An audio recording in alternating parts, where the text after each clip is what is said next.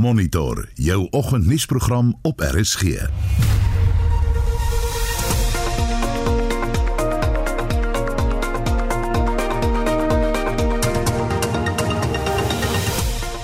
die program, die restaurantvereniging sê daar is 'n agterstand van meer as 170 dranklisensies net in Gauteng alleen. We have one particular restaurant who they want to charge 54,000 rand to reinstate an expired license. Die reepokoers styg met 25 basispunte, maar wat beteken dit? Ons praat met 'n ekonoom. En minibus taxi sal na elektriese energie moet omskakel, maar nie sonder hoofbrekings nie. In Suid-Afrika sit ons met 300 000 taksies. As hulle almal moet elektries word en hulle moet van die grid laai, gaan ons die grid heeltemal pad trek. Dis 10% van wat ons Eskom netwerk op hierdie stadium genereer. Goeiemôre, ek's Oudo Karelse. My naam is Anita Visser, baie welkom by Monitor.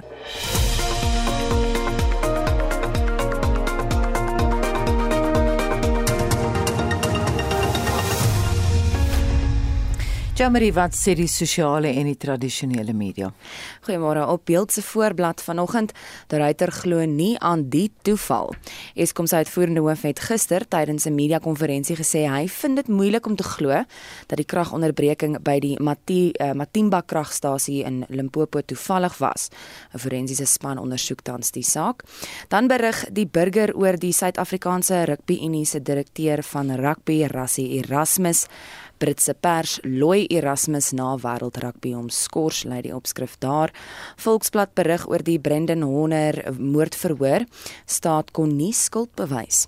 Die twee beskuldigdes, Sekola Matlaletsa en Sekweche Matlamba, se selfooninligting kon die twee nie met die moordtoneel by 'n plaashek buite Paulroo verbind nie. The Herald in die Ooskaap se voorblad opskrif lei Molestation and Spy Camera Claims in Child Porn Trial.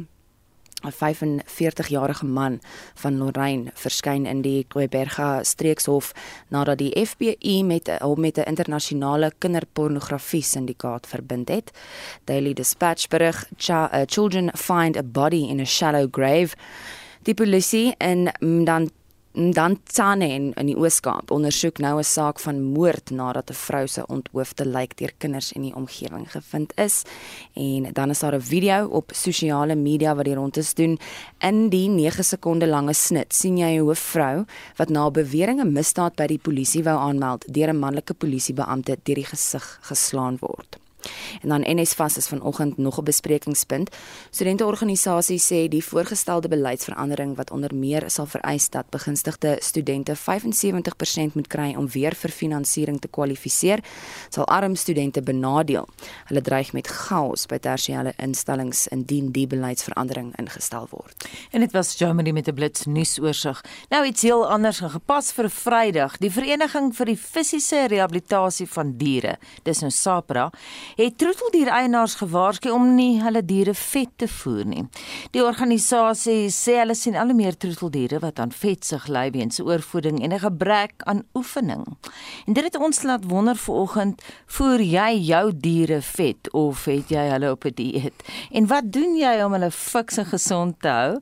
Of kan jy dit nou eenmal net nie oor jou hart te kry? Ag, fooi tog om hulle nie te bederf nie. hoe hoe mense, Anita, hoe mense deesdae honde honde aan sonder om gereeld weg 'n veearts te sien. Ek meen diere deesdae mediese uh, versekering en dit sal seker 'n vereiste vereiste wees dat jy jou diere na die veearts toe neem. Dis ook 'n goeie vraag ja. wat jy ook kan antwoord. Daar dalk kan jy vir Oudo help met 'n antwoord. Praat saam stuur 'n SMS na 45889. Onthou dit kos R1.50 of WhatsApp vir ons stemnota na 076 536 6961 076 536 6961 jy kan ook jou mening lig op ons monitor en Spectrum RSG Facebook bladsy 14 minute na 6 en die onbondeling van Eskom sal groter deelname in die opwekking van energie vanuit die privaat sektor moontlik maak. Dit is volgens die minister van openbare ondernemings Pravin Gordhan wat saam met ander ministers in die ekon ekonomie groepering op vrae gereageer het. Die ministers is gepeper met vrae oor energie, die vandalisering van spoorinfrastruktuur en die beskerming van plaaslike belange in die vervaardigingsbedryf teen stygende insetkoste. Vincent Mofokeng berig.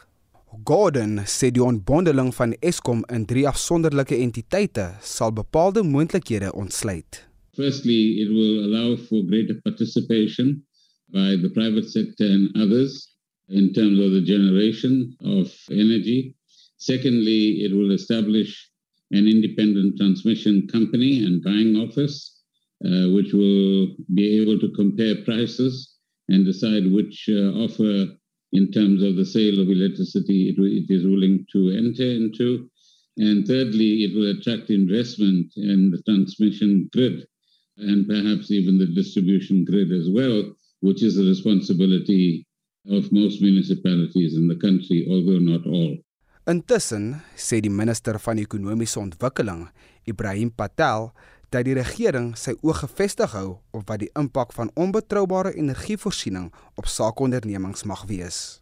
One of the uh, fundamental issues that we have to address is both the cost and the availability of energy and Minister Gordon has spoken to this thing earlier in the session of parliamentary questions and answers. And finally, I want to point to the labor dimension. Honorable Imam Sheikh, I know you will agree with us that South African workers need decent work. And that means that we've got to upgrade skill, enable productivity levels to rise, and at the same time ensure that decent wages are paid. It's to try to square those many things that constitute the overall thrust of industrial policy, and sector by sector, we do it Die minister van vervoer, Fikile Mbalula, sê daar is planne om treinpendelaars te beveilig en spoorvervoer te vernuwe. Dit na vlagvoorvalle van vandalisme wat weer toegeneem het na die streng inperkingstydperk. Mbalula sê veiligheidswagte sal by stasies en binne-in treinwaans ontplooi word. On platforms, in between stations and stations and inside the trains to safeguard commuters. Priority will be given to high volume corridors, as well as uh, based on the corridor recovery plan. Furthermore, in terms of the security deployment strategy, threats and risk assessment is ongoing to determine deployments of armed and unarmed guards across all our areas of operation. Threat assessment includes identifying drugs and explosives, inside the platforms in between stations and inside uh, the trains. Dit was die minister van vervoer, Fikile Mbalula, wat die bydra deur Lulama Macha in die parlement afsluit. Ek is Vincent Mufokeng vir SAIK nuus. Die restaurantbedryf word tans met klagtes oorval weens 'n skynbare agterstand met die afhandeling van aansoeke om dranklisensies.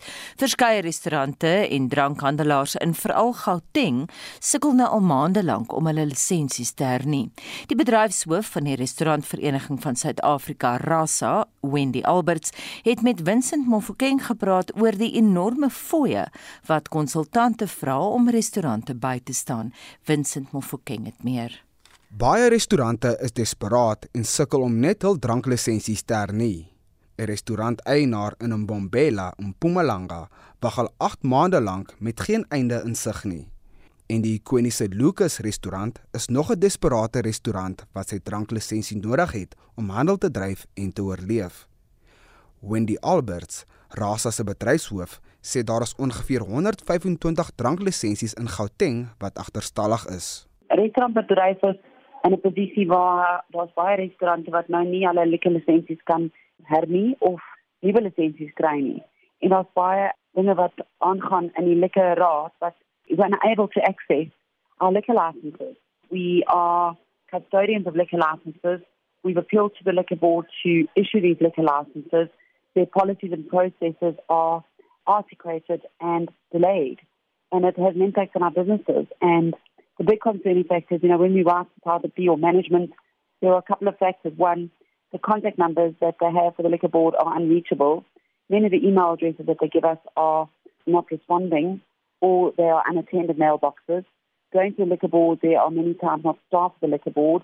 And when they have responded to us as senior management, they're using lockdown as an excuse.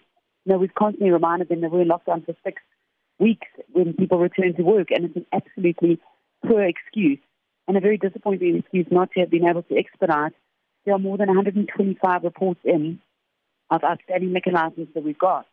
Albert sê hulle kry egter geen ondersteuning van die Gautengse drankraad nie en het op elke vlak uitgereik vir bystand en ondersteuning om die restaurante te help om handel te dryf en om te oorleef terwyl hulle ook honderde werksgeleenthede beskerm. We have one particular restaurant they want to charge 54,000 rand to reinstate an expired license. You know, we have been impacted by COVID. We've been trading at 12% of the potential of our business with 100% expenses. And the liquor licenses are imperative to the operation of our businesses to be able to bring the sufficient revenue in to be able to match the overheads. And without the liquor license and without the liquor sales, the business will plummet and it simply won't survive, which means the livelihoods of hundreds and thousands of restaurant staff become vulnerable again. You know, we've had no communication. A reinstatement is a simple process to do. A renewal of a license is a simple process to do. The restaurants are reporting that the liquor consultants are charging exorbitant amounts of money to do the renewal process. And some of the liquor license consultants have actually run away with our clients' money due to cash flow constraints because obviously during lockdown they haven't been able to do or, or get the work or, or bring in revenue. And they've used our cash flow to sustain their livelihoods. So we really are sitting in a predicament. We've reached out to the liquor board. There are some lovely people there that do certainly want to assist us, but when they push us back to the powers that be, phones are turned off, voicemails are not uh, responded to, WhatsApps are blue text, and then we pass on to contact numbers that are, are not attended to and email addresses that are not valid. So we're sitting in a position now desperately trying to get some licenses out. Rasa is ook van mening dat die probleme by die Gautengse drankraad nie aan die COVID-19 pandemie toegeskryf kan word nie, maar dat dit historiese probleme is. We've got Lucas restaurant, an iconic restaurant, 27 years old, who was forced out of his premises through lockdown, had to acquire alternative premises. The license on that premises has lapsed, and we cannot get them to actually just renew the license, to pay the penalties, reinstated, and it's become a complete and utter saga. The same situation is happening with Cafe de Sol. They relocated from Olive Olivedale. They're in a position where they are desperate, eight months of trying to get a license reinstated and renewed. They simply, the board just has not even put on the roll. The list and list of restaurants that we have put together for outstanding applications are just getting longer and longer by the minute as we put out the information through to the database. And they're simply saying that um, it needs to be scanned. I mean, how is it the process so inefficient that it takes six months to scan an application to put it forward for the board to actually have a look at it? And if there's a backlog, the backlog is not due to COVID. This backlog has been historical. We've been struggling with Housing Liquor Board for years. This is not a new culture that has been brought in. An excuse to blame it on COVID, I think, is a very shallow and unprofessional approach from the board to be doing that. Intussen sê Albers daar is 'n epidemie van onwettige drankhandelaars en die wettige ondernemings wat duisende personeel in diens het, kan nie direkte toegang kry om hul lisensies betyds uit te reik of te hernie nie. Sy doen 'n beroep op die Gautengse Drankraad se uitvoerende hoof, Raymond Martin, om leierskap te toon. He's appointed in a position of leadership and the concerning factor is that there are so many complaints against the Gauteng Liquor Board and I cannot understand why he is not articulating it and balancing and investigating it and rechanging the processes. If there are these constant delays, the processes and policies that are currently working need to be readjusted in order to get the backlog through. And there are many new aspects to lockdown that lockdown has brought us that need to be reviewed differently. And the board needs to be progressive in getting the licenses approved and approved expeditiously and timely that our businesses can trade. One would think that the liquor board would have much closer with the industry and have been much more compassionate, knowing what the industry has been through and how difficult and how impacted we've been as an industry and as restaurants in particular, and that they would exercise every effort to support the industry by doing what they can to allow us to be able to trade or to allow us to trade and extend the licenses or change the licenses. You know, the National Disaster Act could change the ability for us to have converted our licenses so allow us the same privileges to be able to support the industry, be, to be able to trade while you sort out your processes, your policies and your people in your business. Dit was Wendy Alberts, die bedryfshoof van Rasa. Intussen het drankhandelaars gister by die drankraad betoog. Hulle eis dat die raad hul lisensies hernie en dat die uitvoerende hoof van die Gautengse drankraad, Raymond Martin, uit sy posisie verwyder moet word. Die Gautengse drankraad is vir kommentaar genader, maar sonder enige sukses. Ek is Vincent Mufokeng vir SAIK nuus. Sakeorganisasies in KwaZulu-Natal het by die Suid-Afrikaanse Menseregte Kommissie se verhoor in Durban oor Julie maand se onluste getuig dat die polisie gedurende die tydperk geheel en al afwesig was. Getuies het ook gepraat oor die oorweldigende invloed wat die plundering en brandstigting in KwaZulu-Natal en Gauteng op besighede gehad het. Meer as 350 mense is in die onluste dood. Heinrich Weingart berig. Die verhoor sal nog 2 weke duur. Hierdie week is die getuienis van inwoners en slagoffers aangehoor. Twee sakekamers in KwaZulu-Natal het ook nog hulle stories vertel. Die uitvoerende hoof van die Pietermaritzburg sakekamer, Melanie Venus, het oor die afwesigheid van die polisie gepraat. Sy sê inwoners het toe saamgekom om hulle wonings en werksplekke te beskerm. Venus beweer dat polisiebeamptes hulle gesê het dat hulle opdrag gekry het om nie teen die plunderaars op te tree nie. We have been directly told by some of the police personnel that they were told to stand down, that they weren't allowed to respond. Told by who? Their leadership. They haven't been specific. They were instructed, that was all they were prepared to tell us, they were instructed to stand down. We were told at the time that there wasn't tear gas, there was tear gas, there was plenty of it. So there was, it appears, instructions from somewhere that everybody obeyed that they didn't respond. Die uitvoerende hoof van die Durbanse Sakekamer, Palesa Pili, het ook getuig oor haar gesprekke met senior regeringsamptenare. Pili sê die polisie was onbereikbaar toe die onluste 'n kruin bereik het. The people that went AWOL were the police, but the MEC I was talking to her literally every 2 hours. I felt for her because she was almost like powerless. Because for me it's putting pressure, where's your people? And then then we shifted then, you know, the attention to say you know, we need to bring in SANDF.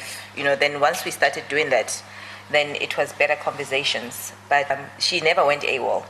It was the commissioner as well as his generals that uh, whose phones it didn't even ring. Die sakekamers het ook oor die invloed van die onluste op klein en groot besighede getuig. Baie probeer steeds van die chaos herstel. Billy sê klein sake is die ergste geraak. The biggest impact of these attacks in July was on the SMMEs, which is a very sad and unfortunate um, situation where, you know, even SMMEs in the townships, their businesses were destroyed. Very, very painful is that majority of them don't have insurance. And I mean, we've been going around as a chamber working with different organizations trying to raise funds um, to help those business people who most of them it was their life savings. Others went to get loans to start their businesses were destroyed by you know their own communities.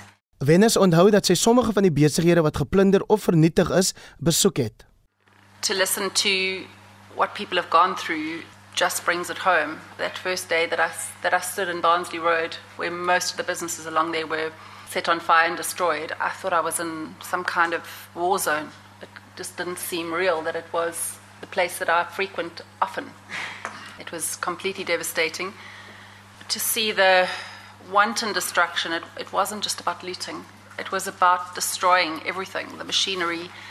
And it was orchestrated. I think that's the hardest thing for me is, is the fact that you could see how orchestrated it was. Die kommissie sal vandag die Bambayi en Phoenix gebiede in Durban besoek, asook die Kaanroad informele woonbuurt in Pietermaritzburg. Vanelle Mslongo het hierdie verslag saamgestel en ek is Hendrik Weingart vir SAK nuus. Jy luister na Monitor elke weekoggend tussen 6 en 8. 629 in die hoofnuus gebeure. Inwoners van Middelburg in Mpumalanga moes hulle familielede self begrawe weens die munisipale staking. Toe moes die families maar self die grafte oopmaak. Dan het ons van ons kant af maar net vir hulle die mate gegee, die breedte, die lengte en die diepte en dan moes hulle maar self sien om dit te doen. Die minister van Polisie, Pekitele, gaan vandag die nuutste misdaadstatistiek bekend maak. En die Tuinroete distriksmunisipaliteit in die Wes-Kaap het geïsoleerde voorvalle van tifuskoors aangemeld. Bly by monitor.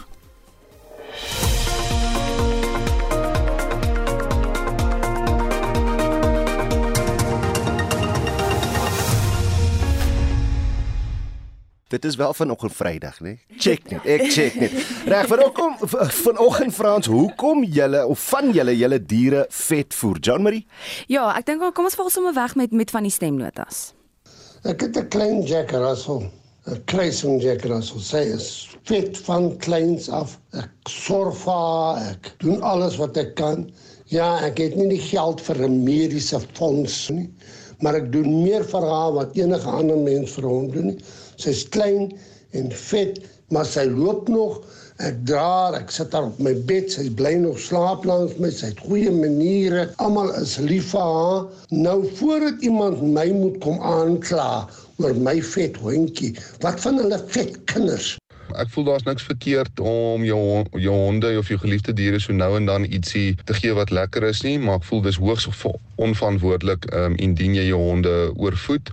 Dit is verskriklik sleg vir hulle gesondheid. Ons het bulldogs, hulle is nie oorgewig nie want mense het 'n persepsie dat 'n bulldog altyd vet moet wees omdat dit 'n lae energie hond is. Dit is verskriklik belangrik om hulle die regte kwantiteit kos te gee en op die regte kos te sit. Dit help ook nie jy voer jou honde verskriklike goeie kos met verskriklike baie voedsaamheid, maar maar jou honde is aktief nie, um, dan word hulle ook vet. So ja, op die ou einde van die dag uh, voel ek dit is dit is verskriklik onverantwoordelik verantwoordelik om jou honde te oorvoed. Hoe durf hy oom om oor my kind se polla wat hy is 'n kwaai oom daai te maak? Ses oom. Ag eilik okay Martie Brits skryf op Facebook my Daisy is 12 en 'n half jaar oud. Klein ou katjie. Ek gee haar net veeartskos en kat lekker goed en ek borsel haar daagliks af. En dan jaag ek haar elke dag in die tuin rond vir 'n bietjie oefening. Verder kry sy tonne liefde. Jy kan saampraat vanoggend. Stuur vir ons 'n SMS na 45889. Onthou R1.50 is wat dit jou gaan kos of WhatsApp vir ons stemnota die nommer daar 0765366961 en dan kan jy ook jou mening op ons Monitor en Spectrum Facebookblad gaan deel. Die repo-koers styg met 25 basispunte en die aankondiging is gister deur die Reserwebank gedoen en vir meer oor die implikasies daarvan praat ons nou met professor Janie Resou van Wits Universiteit se besigheidskool. Môre Janie. Môre Anita, goeiemôre aan die luisteraars. Jou reaksie op die verhoging wat algemeen te wagte was? Ja Anita, die verhoging was algemeen te wagte. Ek persoonlik het dit in die eerste kwartaal van volgende jaar verwag. Nie nou reeds nie maar dit is natuurlik 'n poging van die Reserwebank om seker te maak dat inflasie onder beheer bly, dat dit nie 'n versnelling in die inflasie koers sien nie. Ons moet altyd onthou dat inflasie teikens 'n beleid is wat vorentoe kyk. Met ander woorde, die verwagte inflasie vorentoe en ook wat mense verwag die inflasie koers gaan wees. So eintlik teiken die Reserwebank die inflasie koers, maar teiken ook inflasie verwagting. Janie, hoeveel beweegruimte het die Reserwebank gehad? Die Reserwebank het 'n bietjie beweegruimte gehad om net hulle verwagtinge vir die inflasiekoers oor die volgende 3 jaar wanneer die inflasie teiken band naby aan die middelpunt gaan bly. Anita, dit begin my regtig lyk asof die Reserwebank dit nog nie sien nie, maar moontlike inflasie teiken van 3% per jaar in die hoog het. Hmm. Waar ons voorheen die hele band geteken het, het nie gaan ja goed duidelik gesê dat die fokus nou op 4,5% is. Maar dit nog twee keer gesê dat Afrika het ook self 'n laer inflasie teiken nodig. En net die syfer van 3% genoem, naamlik die onderpunt van die teikenband. So moontlik is hierdie rentekoersverhoging die eerste stap in Suid-Afrika vir 'n nog laer inflasie teiken voor te berei, wat ook natuurlik almal verwelkom. Mm Drie lede van die bank se monetêre beleidskomitee was ten gunste van die verhoging. Twee was daarteen gekant. Nou Jannie, jy het vir 27 jaar lank by die Reserwebank gewerk. Hoe word hierdie soort besluite oor repo-koerse geneem? Natuurlik 'n proses wat oor 3 dae plaasvind. Die monetêre beleidskomitee vergader vir 3 dae lank, Dinsdag, Woensdag en Donderdag. Uh, Dinsdag en Woensdag oorweeg hulle ekonomiese data regtige baie verskeidenheid ekonomiese data en teen donderdag begin die lede dan hulle sienings oor inflasie wat verwagtinge vir die rentekoerse bespreek met mekaar en gee te kenne of hulle dink die koers met dieselfde bly wat natuurlik ook 'n besluit is op gaan of afkom en dan word daar weer 'n besluit geneem. Janie, jy het nou wel verwys na inflasie, die impak daarop en so aan. Dis die eerste stygings sedert November 2018. Wat is die breër implikasies vir die ekonomie? Praat oor ander goed as net die inflasie. Die breër implikasies natuurlik aan die een kant is dat mense wat geld leen, mense wat skuld het, hoë rentekoerse op hulle skuld sal betaal en dat die hoë rentekoerse ook toekomstige lenings sal ontmoedig. Wat natuurlik onmiddellik onthou dat daar ook mense is wat spaar, mense wat geld in die bank het, mense wat vir die rente opbrengs op hulle spaargeld lewe. En die renteverhoging is natuurlik vir sodanige mense baie voordelig want hulle gaan nou hoër rentekoerse verdien op die geld wat hulle gespaar het, so hulle inkomste gaan wel toeneem. Net laasens enige raad vir ons luisteraars Jannie? Ja, die verwagting is dat rentekoerse gaan bly styg oor die volgende 2 jaar. Wees versigtig wanneer nuwe skuldverpligtinge aangegaan word. Baie dankie en daai raad kom van professor Janie Resou van Wits Universiteit se besigheidskool. Stakende munisipale werkers van Middelburg wat die dorp meer as 2 maande lank sonder dienste gelaat het, het die week teruggekeer werk toe te midde van baie vrae en onsekerhede oor die prosedures wat gevolg is. Anita het die volgende verslag saamgestel. Die redakteur van die Middelburg Observer, Toby van der Berg, is sommer baie omgekrap oor die manier waarop die Mpumalanga dorp se munisipale bestuurder, advokaat Bekkie Kenisa, die einde van die staking bestuur het.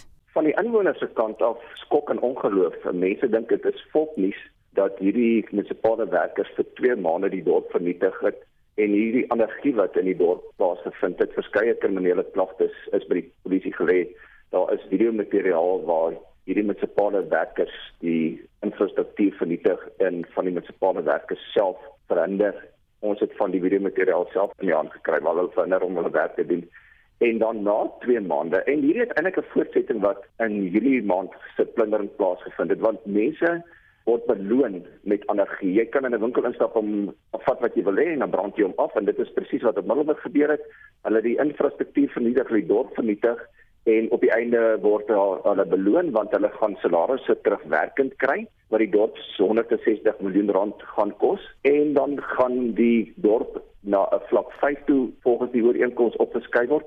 Maar hier is nie einde van die situasie ek het baie mooi na die ooreenkoms gaan kyk. Die ooreenkoms sê dat dit eers na die bedingingsraad moet gaan en dit is wat Salda ook gisterand in 'n persverklaring gesê het. South African Local Government Association dat hulle kan nie sommer goeds met ons opstoot na 'n graad 5 nie. Daar is in elk geval nie geld nie. Die stadsraad moes 641 miljoen rand gaan leen het om projekte groot projekte te voltooi op die dorp onder andere ons rioolwerke wat in 'n toestand is. Nou kan 'n mens maklik somme maak jy gaan leen 641 miljoen, maar jy moet ekstra 170 miljoen met jy skielik iewers in die hande kry. En die inwoners sê waar gaan die geld vandaan kom? Die geld gaan van ons af kom. Dit kan mos nie wees nie. Die ander gevolge gaan wees, daar gaan nie meer dienslewering wees nie. Glad nie. Wanneer daar 'n rioolpyp gebars het, wanneer daar elektriese probleme is of 'n waterprobleem is, gaan dit nie herstel word nie, want dit is waar die geld vandaan gaan kom. En wat skokkend is dat hierdie werkers gesê het, nee, ons gaan gister al begin skoonmaak. Hulle het gegaan, hulle het gedans in die dorp. Hulle is na 'n park toe in die Muslims woongebied. Hulle daar gaan sit en kuier verder gedrink na 3 maande van die oggend 6uur af tot die aand 07:30 toe sit en kuier en dan moet jy nou skielik begin werk. Dit gaan nie werk nie. Intussen het die woordvoerder van Middelburg se stakende munisipale werkers, Gossie Makwati, gister aan Monitor bevestig dat hulle weer in die tuig is. We're back at work. We're just managing a couple of things, but we're back at work. Uh, everything is normal. But we just realized that there are still contractors working, so we're trying to stop those. But otherwise, uh, everything else is coming all right. Why are you trying to stop the contractors working? No, they were working because we were on strike, but now we're at work, so they can't pay contractors while we're at work. I was told that uh, yesterday you went for a big picnic and a braai and you had lots of drinks and you downed tools for the day, that you were not back at work yesterday. Is that yeah, incorrect? No, no, no, no. The agreement says we must be back at work today. So, as from today, Yeah. you will go back to doing normal work and getting Middleburg back on track. Yes. The contractors are working because this guy, the MM, as we, we alleged during the strike, is using them to milk the, the town dry. That's why we're stopping them. because it doesn't make sense for contractors to work while we are here. Die DA se waarnemende caucusleier Johan Dyson kla egter dat die politieke oppositie in die raad nie ingelig word oor wat presies nou in Middelburg aan die gang is nie. Op hierdie stadium weet ons soveel as wat julle wat ons weet is dat daar onderhandelinge geplaasgevind het tussen Salga Kokta en die munisipaliteit en daar is gepraat van opgradering maar hulle het nie spesifiek 'n vlak 5 genoem of 'n vlak 6 genoem nie. So ons wag ook nog om te hoor presies wat gaan gebeur. Sodra ons van die munisipale bestuurder hoor wat gebeur, gaan ons na vlak 5 toe, gaan ons na vlak 6 toe. Maar wat hulle wel vir ons gesê het, is dat daar opgegradeer gaan word van 'n graad 4 af boontoe. Die onderhandelinge wat plaasgevind het, het hulle gekry, daar gaan 'n verhoging wees, het hulle gesê, en dat hulle ook terugwerkend vir 24 maande terugbetaling gaan ontvang. Dit gaan gebeur in Maart, April en Mei maand waar die 24 maande in 8 maande opgedeel is waarin hulle die terugbetaling gaan ontvang. Nou dit beloop ongeveer 160 miljoen rand wat die terugbetaling gaan wees aan die werkers. Dis egter 'n heel ander storie om Middelburg, oftewel die Steve Schwette munisipaliteit se bestuurder, advokaat Bekkie Kenisa in die hande te kry.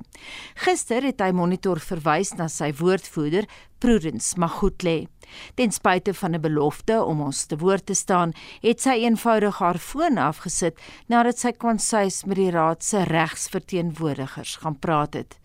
Een van die Mpumalanga dorp se begrafnisondernemers, Andrei van Wyk van Roseley Begrafnisdienste, was minder skugter vir die media. Ons het probleme ondervind in die sin dat munisipaliteit se parke afdeling het nie werkers beskikbaar gehad om die grafte te grawe nie. Hulle het op 'n stadium het hulle kontrakteur ingehaat wat die grafte gegrawe het met 'n back actor, maar omdat daar nie personeel betrokke was nie, moes ons maar self met die families onderhandel om self die grafte toe te gooi en so aan. En van ons personeel moes uit die hart van die saak my help daar. Baie van die dienste wat 'n mens weet verhou weet as daar ou mense betrokke wat nie in staat is om dit te doen nie. Dis 'n een probleem met die toegooi van die grafte en later deur die staking het dit so ontwikkel dat ons moes self die grafte die heroopmaak grafte oopgemaak het. Jy sal verstaan as daar 'n tweede ter aarde bestelling is waar daar reeds 'n bestaande persoon begrawe is en oupa wil nou ook daar begrawe word word toe moes die families maar self die grafte oopmaak. Dan het ons van ons kant af maar net vir hulle die mate gegee die breedte die lengte en die diepte en dan moes hulle maar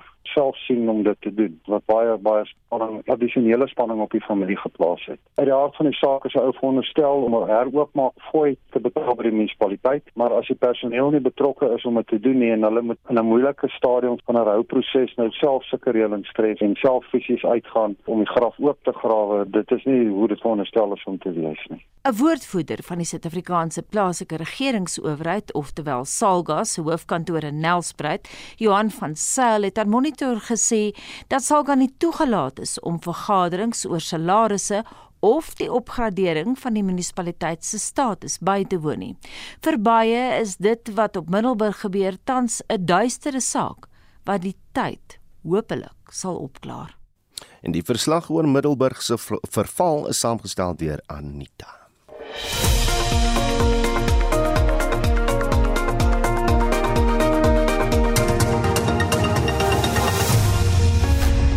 12 minute voor 7 jy luister na Monitor. Navorsers by Universiteit Stellenbosch het 'n plan om Suid-Afrika se baie sonskyn vir elektriese minibus-taksies in te span.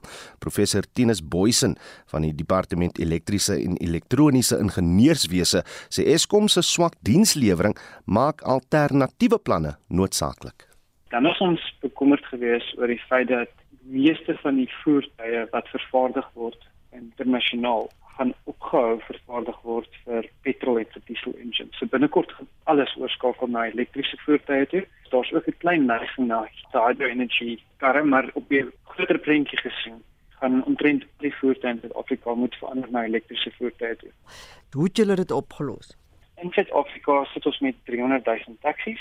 As hulle almal moet elektries word en hulle moet van die grid laai, gaan ons die grid heeltemal pad trek. Dis 10% van wat ons Eskom netwerk op hierdie stadium genereer, gaan deur daai taksies opgeëet word. So dit praat nog nie eens van gewone voertuie, ons praat net van minibus taksies.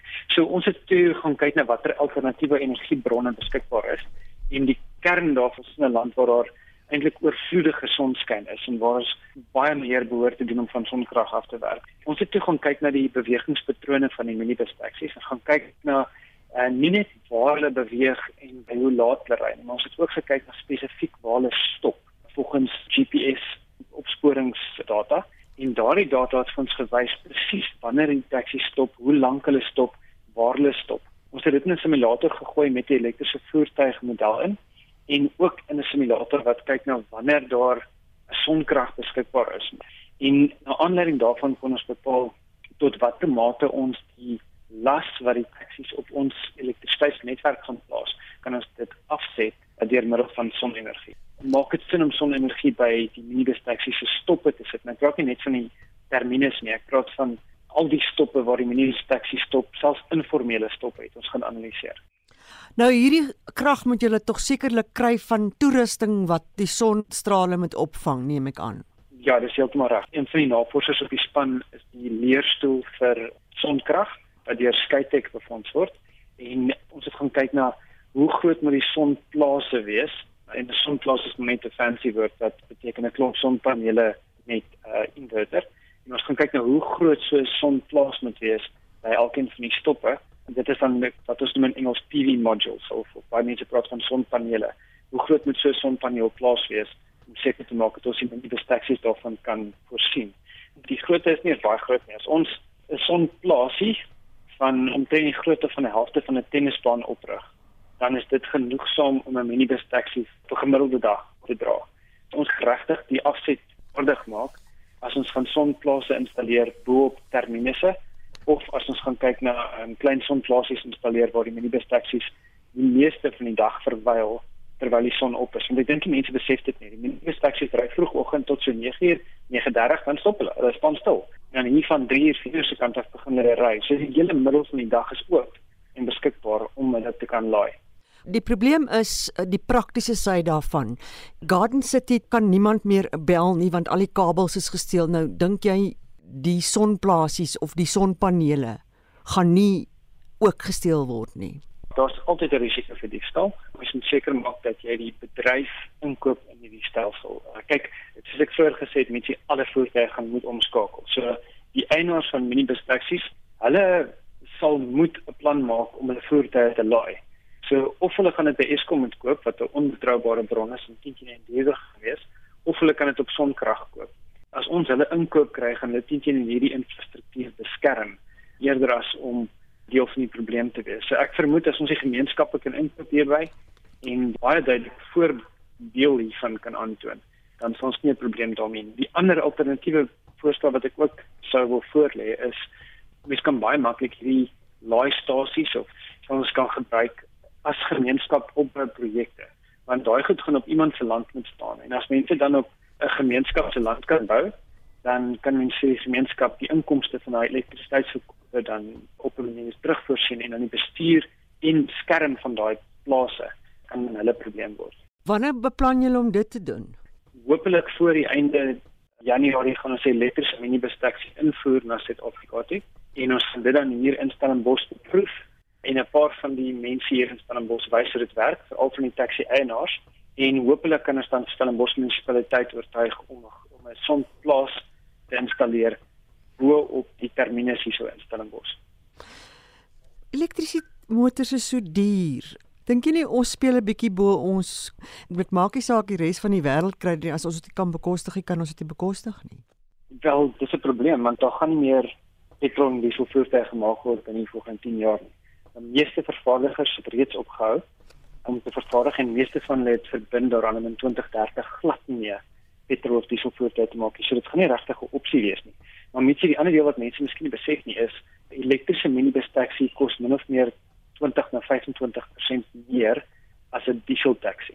Nou neem in ag sy onderhoudskoste is 50% oor 'n verloop van sy lewenstyd dan wat 'n diesel of petrol minibus taxi se onkoste onderhoud is. So dit maak absoluut finansiëel sin vir eienaars om oor te beweeg sin toe. Boonbehalwe die feit dat hulle nie regte keuse het nie. Hmm. Maak dit vir hulle finansiëel sin en dit is juist hoekom ons hierdie voertuig wil invoer om vir hulle te wys daar is nie 'n engine nie daar is nie dinge wat kan breek nie. Dis basies wiele en 'n elektriese motor. En al wat jy moet doen is om elke en dan die wiele te as die battery dood gaan en die battery te vervang. Dit was regtig geen onderhoud aan 'n elektriese voertuig. Professor Tinus Boysen is van die departement elektriese en elektroniese ingenieurswese by Universiteit Stellenbosch en het met Metsi van der Merwe gepraat.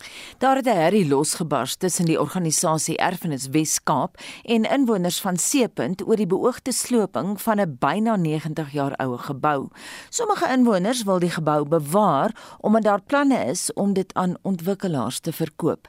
Erfenis Wes-Kaap het egter toestemming verleen vir die sloping van die gebou. Vincent Mofokeng doen doen verslag. Inwoners sê daar is verskeie ou geboue wat gesloop gaan word. Die teenstanders voer aan dat dit historiese geboue is wat so oud soos die strate self is en moet met rus gelaat word.